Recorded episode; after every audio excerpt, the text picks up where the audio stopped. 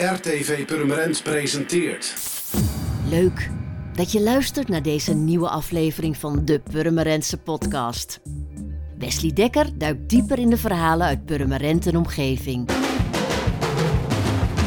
Dit is Wesley's podcast. Hij maakte eerder al voorstellingen en programma's, maar een bioscoopfilm ontbrak nog.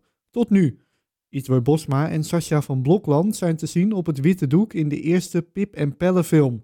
Samen met acteurs Serge Henry Valken, Wieteke van Doort en Barto Braat. En goedemiddag Itwer. Goeiedag. En ik wil ook trouwens meteen op je introductie. Dennis Burgers moet ook er wel bij genoemd worden. Dennis Burgers. Die speelt Arie de Postbode ook al acht jaar. Niet onverdienstelijk, dus die moet, die moet toch even erbij. Oké, oké, oké. Want jullie zelf zijn nu tien jaar eh, aan de Ja, wij zijn nu hè? eh, sinds 2013. En Dennis is erbij gekomen in 2014, maar nog niet als Arie. Die, eh, toen was hij boef. En in twee- januari 2015 is hij begonnen als Arie. Oké. Nou, we gaan, Ja. het, we gaan het noteren. Even eh, side note, Ja. side note. ja, in een eerder interview noemde je het maakproces van deze film een, een soort bevalling. ja. Ehm, ben je tevreden met het eindresultaat? Ik ben heel blij met de bevalling. Nee, ja, kijk, je kijkt natuurlijk altijd als maker kritisch naar je eigen product. En het is altijd dat je er nu naar kijkt en denkt, ah, dit had anders gekund. Of een volgende keer doe ik dit anders. Maar je moet je ook realiseren, wij hebben het voor een echt, echt schrikbarend budget gedaan. In de zin van eh, klein. Schrikbarend? Schrikbarend klein. Schrikbarend klein, oké. In vergelijking met wat andere Nederlandse films eh, voor budget hebben. Hoe zit dat een Nou ja, beetje? je moet voorstellen dat eh, een normale romcom of zo wordt gemaakt tussen de ja, 2, 2 tot 4 miljoen euro. Zo, ja. dat is... En dan wordt, als je, ik weet nog, wij hebben in de tijd Snuf de Hond gemaakt. Nou, die werd voor 7 ton gemaakt. Nou, dat was low budget. Ja, dat is wel heel weinig in Nou, trekken bij ons eh, nog een nul af en dan zit je wel een beetje op eh, ons budget. Dus eh, dat is Dus nog 70.000 ongeveer. ongeveer. Oké, en daar wordt normaal alleen de cameraman van betaald. En nu Ja. hebben wij het hele project ervan Ja. bekostigd. hoe kan dat?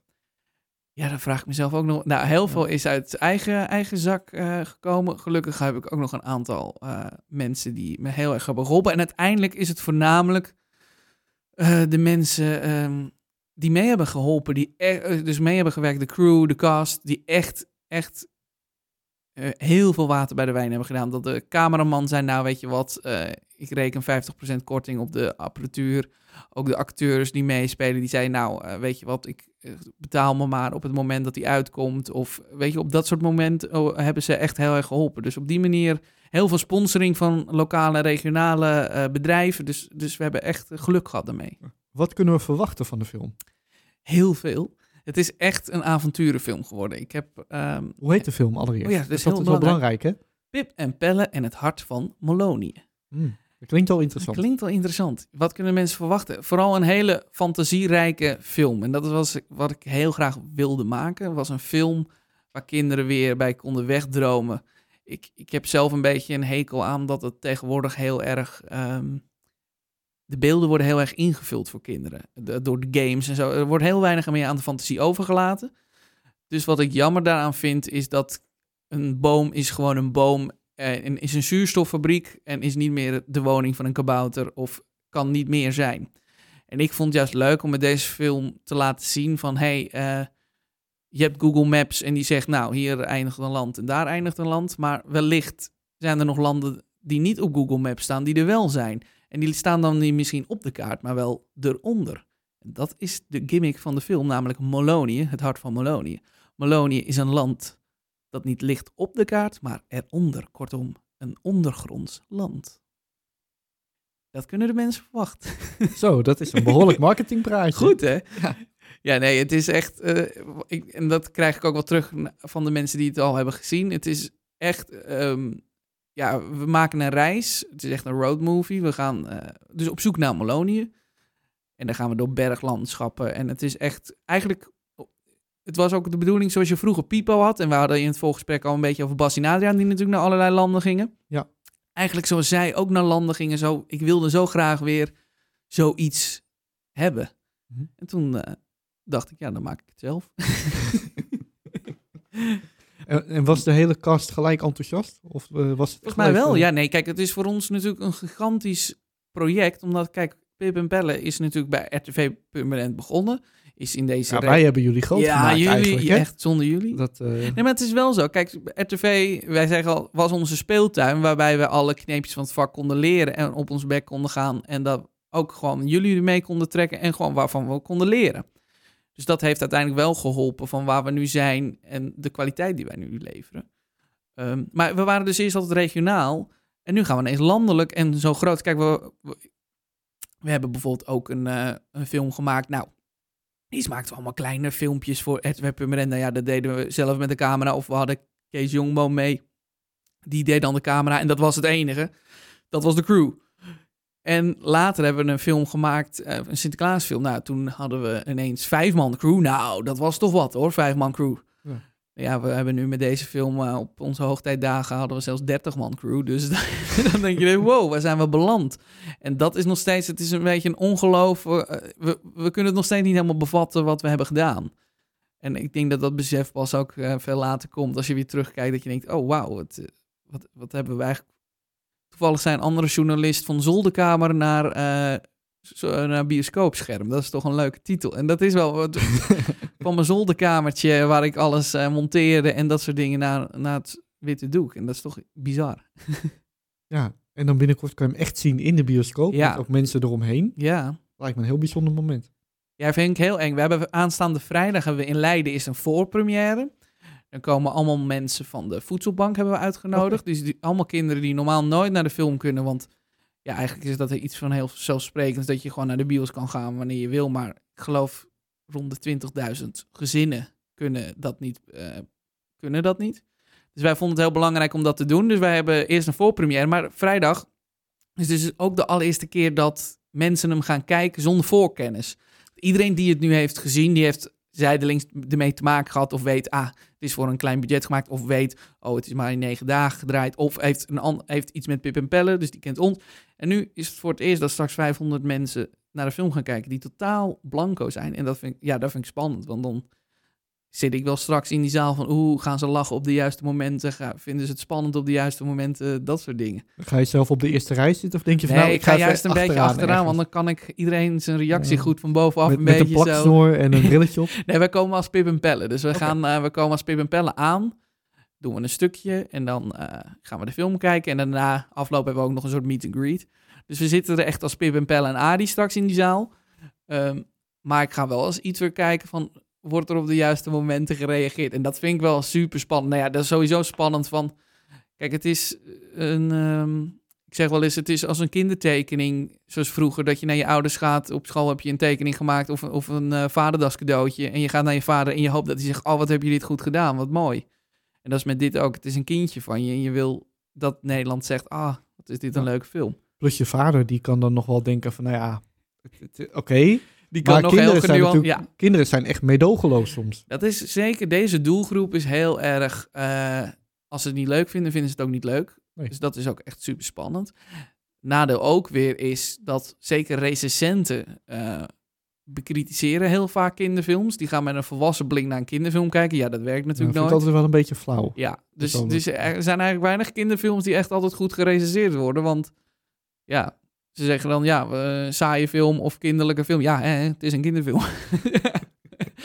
dus dat is altijd, eigenlijk moet je gewoon een kinderjury hebben die dat Ja. gewoon, eh, net als bij de boeken, dat je eh, gewoon een kinderfilmjury We hebt. hadden het eh, natuurlijk aan het begin van de podcast zo even over die 70.000 euro. Ik kan me voorstellen dat de druk wel erg hoog is om Ja. dit te laten slagen. Ja, tuurlijk. Tuurlijk, er zit een financieel aspect aan vast, maar hoofdzakelijk zit er aan vast gewoon het, het, het artistieke.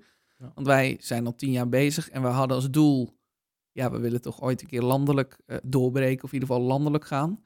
Ja, dit is het moment. Dus wat dat betreft zijn we, hebben wij eigenlijk al goud, want we, we zitten al op ons moment. Ja. Maar- Dus ja, Maar goed, ik kan me voorstellen, je, je, je, en naast dat het artistiek heel interessant is en leuk is om dit te laten zien, ja, kan me ook voorstellen dat je wel eens in je bed ligt en denkt van nou, ik hoop maar dat het wat wordt. tuurlijk, tuurlijk zit in je achterhoofd de mensen die je nog moet betalen. En tuurlijk, dat, Ja. Want voor Ik- jou persoonlijk zit er natuurlijk ook best wel veel heel geld veel, in. heel veel. Ja. En niet alleen van mij, ook van mijn vriendin. En nou ja, weet je, het, het, dat, Ik tuurlijk heb hangt- begrepen dat jullie eigenlijk de keuze moesten maken of een bioscoopfilm of een Oh, hypotheek. Ja, nou letterlijk was dat inderdaad de keuze. Ja. En mijn vriendin, ik zei, nee, dan gaan we voor het huis. En zij zei, nee, je moet je droom doen. We gaan voor de, voor, voor de film. En dat zijn we uiteindelijk gaan doen. En uiteindelijk ben ik daar super blij mee dat we dat hebben. En kijk, uiteindelijk...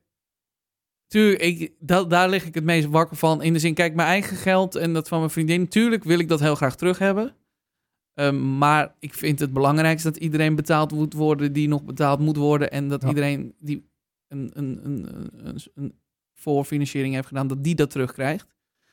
En hoe wij het onderling, dan, dat lossen wij dan wel weer op. Maar Mhm. dat, dat moet als eerst. Ja, desnoods werk je drie dagen in de week bij een supermarkt eh, in de avond. Precies, En, eh, om dat weer terug te, te verdienen. Kijk, het is niet dat wij op, op, op droog brood nu zitten, hoor. Dat totaal niet, want dat was allemaal spaargeld. Maar ik bedoel, het, Ja. je wilt wel, het is, een, het, het is een investering. Dus je Ja. investering wil je gewoon weer terug hebben. Maar kijk, dat is het zakelijke deel. Maar uiteindelijk is het voornamelijk omdat we natuurlijk in dit, deze film geloven. En we geloven in Pip en Pelle. En Mhm. Dus wat dat betreft denk ik, ja, het kan niet mislukken. Want ik geloof zo in ons. Dat dat... Maar je hoopt wel natuurlijk dat zo'n film toegevoegde waarde heeft. Hè? Dat er misschien al Tuurlijk, kijk, wij hopen natuurlijk dat doordat mensen naar de film gaan, dat ze ook naar het theater gaan. Want we toeren ook door het land. Dus da- daar hopen we natuurlijk dat we in plaats van 200 man in de zaal, dat we straks 300, 400 man in de zaal hebben. Kijk, tuurlijk hoop je dat soort dingen. Ehm, kijk, ik hoop natuurlijk dat juist door Pip en door deze film, dat Pip en Pelle kan blijven bestaan. Dat is uiteindelijk wat. Want we doen het zo graag. Mhm. En ik heb ook het idee dat het publiek het graag ziet. Dus ja, 1 en 1 is 2. Maar Waarom doe je het zo graag? Ehm, nou, A, omdat het met vrienden is. Ik denk eh, ook dat dat de, de, de kracht is. Ook straks als je de film gaat zien. Dat echt de liefde die iedereen, zowel de crew als de cast, als, als mensen die achter de schermen met de, met de montage hebben geholpen en zo. De liefde die ze erin hebben gestopt, dat is waanzinnig. En dat knalt uit het scherm. En dat zie je ook. Kijk, het is heel bijzonder dat je straks drie hoofdrolspelers hebt. En eigenlijk Onno en Sascha Brasser, eh Onno Innemee. Die, zijn er, die kennen, Onno is er nu bij ge- gekomen. En dat gaan we, zijn we nu ook mee op tour. Nou, dat voelt alsof we al, al die tien jaar ook met hem ook al bezig zijn. Dat is echt waanzinnig. Echt, hij, hij voegde ons bij ons. Nou, dat is ook een vriend voor het leven meteen. En Sascha Brasser kennen we ook al heel lang. Dus het is heel bijzonder dat alle hoofdrolspelers, die vijf hoofdrolspelers, gewoon vrienden van elkaar zijn.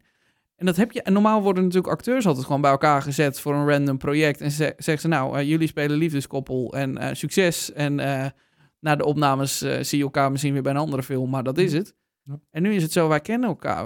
Nou, ja, we zijn tien jaar met Pip en Pelle bezig, maar Dennis en Sasse ken ik al sinds, nou, misschien 2005 of zo misschien.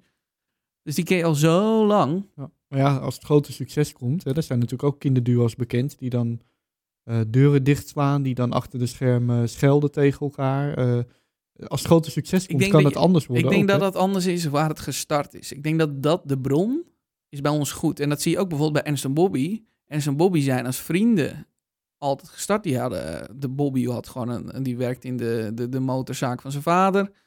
En die waren gewoon als vrienden, gingen ze liedjes maken, gingen ze op een gegeven moment voor het ziekenhuis. Eigenlijk dezelfde route die wij hebben gelopen met RTV Permanent, hebben zij in Den Haag met de, met de streekomroep gedaan. En zijn daarna, na tien jaar, eh, doorgebroken. Nou, wij hopen, de, wij hebben een, vriendschappelijke bron, zeg maar. Dus wij komen, wij hebben al tien jaar, ehm, zijn wij al bezig. Dus wij hebben alle kinderziekten zijn, al, zijn er al uit. We hebben echt het klappen van de zweep al gehad. Mhm. En ik denk dat dat onze kracht is. Wij zijn ook daardoor niet meer zo bang als kinderen ineens gekke dingen gaan roepen. We hebben alles al meegemaakt. En wij staan daardoor zo steady nu. Mhm. Dat kijk, als je een nieuw duo in de markt zet, ja, dan ben je ook heel erg ehm, ja, hoge bomen vangen veel wind. Het is dan, dan, als je daar niet goed tegen kan, moet je heel steady staan. En wij hebben in die tien jaar die steadyheid helemaal opgebouwd. Dus wij, wij, ik denk dat dat het verschil is. Dus ik zie dat niet zo snel. En zeker, nou, neem nou Ertje, eh, Gert-Jan en, en, en eh, Erik, die Ernst en Bobby spelen, die spelen nog steeds Ernst en Bobby. En eh, ik weet dat eh, bij Samson en Gert en zo zijn ook al die acteurs nog steeds bevriend en gaan nog uit eten met elkaar. Kijk, je hebt natuurlijk ook duo's die uit elkaar vallen, maar ik denk nogmaals dat dat allemaal komt uit een bepaald, waar kom je vandaan? En wij Ja. komen uit een... Ja, En wat is je motivatie om dit te gaan doen? Zeg maar het verschil tussen dat je het gewoon leuk vindt om met z'n allen wat te gaan doen, dan om Ehm, geld te verdienen. Nou ja, kijk, ik, ik vind het natuurlijk ontzettend belangrijk dat ik het zelf leuk heb. Dat, ja, Ja. daarvoor ben ik hier Ja. ook. En B, ehm, ik denk dat wat wij maken, dat dat heel nuttig is. Omdat ik vind dat wat wij nu maken, dat stapt een beetje in de tradities van wat ik al zei. Pipo, Swiebetje, eh Bas en Adriaan. Een beetje in de, de, de oude traditie. En dat is er niet meer. Ehm, het, het, het is allemaal snel, snel, snel, snel. Niet dat ik wil zeggen dat wij oudbollig zijn en traag. Mhm. Maar ik denk, het, zit hem vooral in de, de het secuurheid en het ambachtelijkheid. Dat zie je bijvoorbeeld nog wel bij Klokhuis, dat er gewoon goede schrijvers op zitten. Er wo- wordt nog met Goede acteurs, hè? goeie, goede acteurs, hele goede Ja, voor de duidelijkheid, je bent zelf een van de acteurs Ja. die daar eh Precies. Nee, maar daar zie je gewoon. Julian van Dongen schrijft daarvoor. Er zijn echt ontzettend veel goede tekstschrijvers. En er wordt nog een componist aan. eh, Daar wordt er echt geld aan uitgegeven. En ik, Ja, een beetje hetzelfde als de periode met Annie M. G. Smit en Harry Banning. Dat Ja. er ook echt tekstschrijvers die alleen maar teksten schrijven, eh, ja, precies. componisten die alleen maar daarmee Ja. bezig zijn. En ik denk dat kwaliteit overheerst altijd. Dus ik denk dat dat, dat vind ik dat mist. En dat wil ik heel graag. En wat ik eigenlijk net wat ik zei, van dat die fantasie ontbreekt. En die wil, dat wil ik graag terug weer brengen. En het is niet zo dat wij de kinderen eh 1 plus 1 leren. Of zoals Sesamstraat dat doet. Wij leren de kinderen gewoon... Ja, hoe ga je met je gevoel om? Wat is jaloezie? Wat is verliefdheid? Wat is... eh, hoe ga... eh, eh, dat alles wat je doet, dat dat een gevolg heeft. Dat als je slechte dingen doet, ja, dan moet je ook op de blaren zitten als dat wordt ontdekt. Ja. En dat doen we allemaal op een kleine, speelse, grappige manier. Ja, maar hoe dat hoe doe zit je dat allemaal- laagdrempelig? Ehm, nou, bij ons is de kracht dat we ook heel veel grappen voor volwassenen erin hebben zitten. Dus dat we ook Dat werkt altijd voor kinderduo's. Hè? nou ja, dat is heel leuk, want daar, A, dat is, daar zit de grap voor ons in. En B is dat heel fijn, want ehm, die ouders kopen uiteindelijk het kaartje en die moeten het leuk hebben. Ja. Nou, we hadden het net over Bas en Adriaan. Bas en Adriaan waren daar dus totaal wars van en die zeiden juist, nee, wij zijn er voor de kinderen. Het gevolg dat mijn ouders hadden een bloedhekel aan Bas en Adriaan. En als die hier in de beukenkamp speelden, moesten wij als kind echt heel veel moeite doen. Wouden wij naar Bas en. Adriaan. Ja. Moesten we heel lang zeuren. Uiteindelijk gingen we dan wel. Ja. Maar dan moest je heel lang zeuren. En ik hoop natuurlijk Ja. dat door wij de ouders dat... Mhm. eh, doordat wij de ouders ook een beetje pleasen. Dat zij juist denken, oh, dit was superleuk. Hier gaan we volgende keer. Dus als ik het volgende keer... Ja. Dan koop ik zelf wel het kaartje. Maar er zitten ook wel wat acteurs bij. Hè? Ik noemde het in de intro al. Serge Henry Valken, eh Wieteke van Mhm. Doort, eh Bartel Braat. Dat zijn natuurlijk ook mensen die kleine kinderen over het algemeen niet echt kennen. Nee, we hebben ook wel Sterre Koning zit er nou in. En Sterre Koning is nu een influencer en die doet heel veel. Dus we hebben ook wel juist voor die doelgroep. Mhm. Het is juist om, omdat ik het heel leuk vind om die oudere doelgroep ook te bedienen. En ik vind het gewoon uit persoonlijke Ik vind het zelf gewoon heel leuk. Ik vind het zo leuk om ook om. Nou, het is een beetje. ehm, tegen een bakker zeg je ook niet. eh goh, je hebt 50 jaar supergoed brood gebakken, supergoed. eh we gaan nu naar een nieuwe bakker. Nee, dan zeg je gewoon, blijf lekker doorbakken. Maar dat is natuurlijk wel een beetje de wereld waarin je je nu begeeft. Hè? Nou ja, dat is jammer. Dat acteurs worden natuurlijk heel snel aan de kant gezet. Terwijl ook presentatoren hoor. Mensen, als je eenmaal een bepaalde leeftijd hebt bereikt, ja, of je mag met geluk naar Max. Maar Het is trouwens tegenwoordig wel anders. Hè? Waar het 20 wordt- jaar geleden beter. Henny Huisman eh, Ja. op zijn 50ste weg moest. nou ja, dat zie je dat nu is- veel mensen van rond de Ja. 60, 70. Of slimste mensen, zelfs in Ja. de 80 nog. Nee, maar dat is een goed. Henny Juisman is een goed voorbeeld. Maar zo heb je natuurlijk ontzettend veel acteurs en mensen die echt een staat van dienst hebben. Maar neem nou ook bijvoorbeeld eh, eh, gewoon een regisseur als Dick Maas of zo, die nog steeds moet leuren met terwijl die heeft eh, met Vlodder en zo echt De Lift, Amsterdam, mensen noem naar de biel. Ja, en dan moet je altijd weer leuren met je projecten. En dat is met acteurs hetzelfde. Van dan heb je zo'n staat van dienst en dan toch word je op een gegeven moment aan- En daarom vind ik het leuk, zoals een Wieteke, om een Wieteke van Dort erbij te hebben. Of ja, Peter Lussen zit er bijvoorbeeld ook Mhm. in, die natuurlijk heel veel bekendheid heeft gekregen met Vrienden voor het Leven. En dan vind ik het leuk om die er weer bij te hebben. Kijk, en de andere grap is dan dat we er ook naar linken. Bijvoorbeeld in de film. We hebben dus Peter Lussen van Vrienden voor het Leven. Ja, tuurlijk gaat dan de boef op een gegeven moment ook het liedje van Vrienden voor het Leven zingen. Dat vind ik dan leuk. En eh Barto Braat uit GTST, die speelt bij ons eh, politieagent. Nou, die zit dan te lezen uit een boek van GTST, eh, waar die zelf groot op staat. Dus dat vind ik dan, dat zijn gewoon leuke, grappige inside jokes. Ook omdat je, iedereen die Peter Lussen ziet en hem kent, denkt, hé, hey, dat is Peter Lussen van Vrienden voor het Leven. En die blijft dan de hele tijd daarmee in je gedachten. Dus je kan me beter eh, het, het, het, het eh, bespreekbaar, maken bespreekbaar en zeggen, ja, inderdaad, dit is Peter Lussen van... En dan doe je dat met een grapje. Ja. Dan is dat klaar, is die lucht klaar, dan kunnen ze weer verder. En dan is het vo- voortaan de politieagent of conducteur. Mhm. Ja. En is het niet meer Peter Lust. Ja, net zoals dat Simone Kleinsma een keer in een Kees Co aflevering eh, heeft gezegd dat ze een hekel had aan Simone Kleinsma. ja. en dat ze daar een hele aflevering omheen hebben gebouwd. Zodat je dan eigenlijk daarna kan zeggen van nou, het is gewoon Ja, het precies. personage. Ja, ja, dan is de lucht geklaard. Nou, goed, we kunnen weer verder. Dat, En eh, wanneer is deze film een succes? wanneer is deze film een succes? Nou, een het moeilijke is, vraag. ja, zeker. Het, het is al een succes. Ja, wat is een succes? Kijk, een- het is al een persoonlijk succes, omdat we hebben tien jaar geleden gezegd, nou, binnen tien jaar willen we daar of daar zijn. Dan willen we iets bereikt hebben eh, waarvan, ja, willen we toch wel landelijk zijn. Nou, dat hebben we. Dus wat dat betreft is het voor ons persoonlijk al een succes. Hm. We hebben, voor mij is het persoonlijk een succes, omdat ik natuurlijk, ja, ik heb het geregisseerd, geschreven, eh, ik heb liedjes gecomponeerd, ik heb zoveel dingen gedaan. Ja. En voor mijn gevoel, nou ja, de film is er dus. Het, ik heb het bereikt, het is gelukt. Dus wat dat betreft eh, is het een succes, omdat ik dat dingen die ik ook totaal niet kon, nu eh, blijkbaar kon. Ja. Het is ook een leerweg natuurlijk gewoon. Precies, dus wat dat betreft is het een succes. Kijk, en dan komen de financiële dingen. Ja, wanneer is het succes? Ja, dat hangt dan weer af van bezoekersaantallen en dat soort dingen. Hoeveel bezoekers moeten er komen om dit een ja, beetje goed dat, te we- maken? dat, dat weten distributeuren allemaal, maar dan heb je het over... Had je het over honderdduizenden? Of, Nee, eh, honderdduizend, dat wordt bijna niet meer. Ja, dat zijn, zijn tiende, een paar. Voor ons zit er geloof ik... eh, ja, dat is, heel, het is een hele lastige berekening voor ons. Dus een heel Nou, lastig laten we zo zeggen, als, je, als er net zoveel inwoners als, eh, als heel Purmerend naar de bioscoop als gaat, heel dan trek jij een fles wijn open. nou, dan, dan, want volgens mij zitten we op de, boven de 94.000. 80.000. 94 al, ja. Nee, Ja. dan, want dan zit je bijna aan de gouden film. 100.000 is gouden film, dus dan eh, heb ik nu de ticket al geboekt naar Bonaire en dan ga ik Oké, ja. Voor een nieuwe film of gewoon eh, privé? gewoon pri- privé en dan ga ik heerlijk denken over een nieuwe film. Ja, komt er al een nieuwe, komt er een nieuwe film eigenlijk? Nou ja, eerst maar deze film, maar kijk, tuurlijk, tuurlijk hoop je dat en ben, je, ben, ik natuurlijk al bezig dat je denkt, oh, stel er komt nog een film, zou ik dit willen doen of zou ik dat willen doen? Oh, en dat, natuurlijk zijn dat kleine ideetjes die er al zijn. Ja. Maar Kortom, hangt- dus als dit een succes wordt, komt er een nieuwe film. als het aan mij ligt wel. Ja, precies. Ja. Maar ja, dat, dat ligt helemaal aan het Nederlands publiek. En dat is, ja, ik, ik denk dat het echt een unieke, unieke film is. Ook in de zin van, ehm, in het theater zijn we altijd heel interactief. Dus gaan we met, eh, met het eh, publiek praten. Zo. En ik dacht, hoe kunnen we die vertaling maken naar de film, naar tv? Want het moet zijn dat kinderen en mensen, grote mensen die naar de tv kijken, moeten dezelfde Pip en Pellen zien als dat ze naar het theater gaan.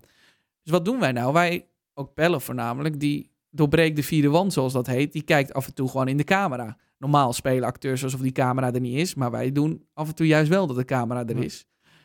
En dat, dat is eigenlijk best uniek in films. Heel af en toe zie je het, maar bij, en eigenlijk 90% Ja. wordt dat nooit bij een film gedaan. En dat, dat soort kleine dingen maakt het wel uniek. En ook wij hebben een vrij groteske manier van spelen. Beetje klokhuismanier. En dat is ook al best wel, wel uniek. Nou ja, uniek in de zin van, kijk, eh, wat ik al Anders zeg, dan andere, ander- laat anders ik dan andere. Ja. films. Kijk, Ja. eh, wat ik zeg, Klokhuis doet dat en dat wordt altijd heel goed ontvangen. Ja, Klokhuis doet dat eigenlijk al jaren. Klokhuis is daar een ster in, ja, absoluut. En waar is de film eh, te zien? In welke bioscopen? Welke niet? Hij is echt door heel Nederland te zien, van, van Maastricht tot Groningen, van Sneek tot Den Haag. Dus Eigenlijk overal. In, eh, Overal. als je eh, ergens in een, in een dorp een bordje ziet met bioscoop, dan moet hij daar draaien. dan moet hij daar... Nou, het dorp eh, heb je meestal geen bioscoop, maar in ieder Ja. geval alle grote steden, Utrecht, Amsterdam, Rotterdam. Ja. En de metropool Purmerend. Want dat is toch wel de plek waar je echt Pip en Pellen moet Ja. gaan zien. Want daar gaat de première ook plaatsvinden. Ja, want dat vonden wij dan zelf super vet. Dat we dachten, ja, maar dan moet hij ook in onze thuisplaats Purmerend. Want, en het leuke is, in Purmerend gebeurt dat soort dingen nooit. Vaak is het Tuchinski of dat soort plekken. Maar in Purmerend is nog nooit zo'n grote première geweest. Dus nu hebben wij straks gewoon, dat is 16 augustus, hebben wij hier een rode loper liggen met BN'ers en pers. En eh, komen wij ook nog op een hele bijzondere manier aan. Pip Pellen en de castleden, mag nog niet zeggen hoe. Op de fiets. Misschien, misschien niet, misschien wel. Wie zou het zeggen? Wie zal het zeggen?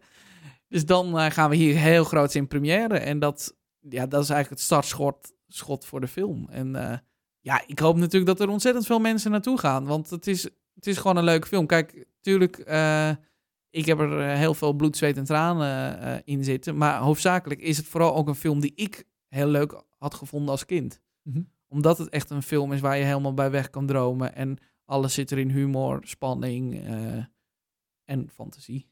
Ik wens je heel veel succes. Dankjewel. En volgende keer weer een nieuwe aflevering van de podcast van Purmerend en Omgeving. Een fijne dag.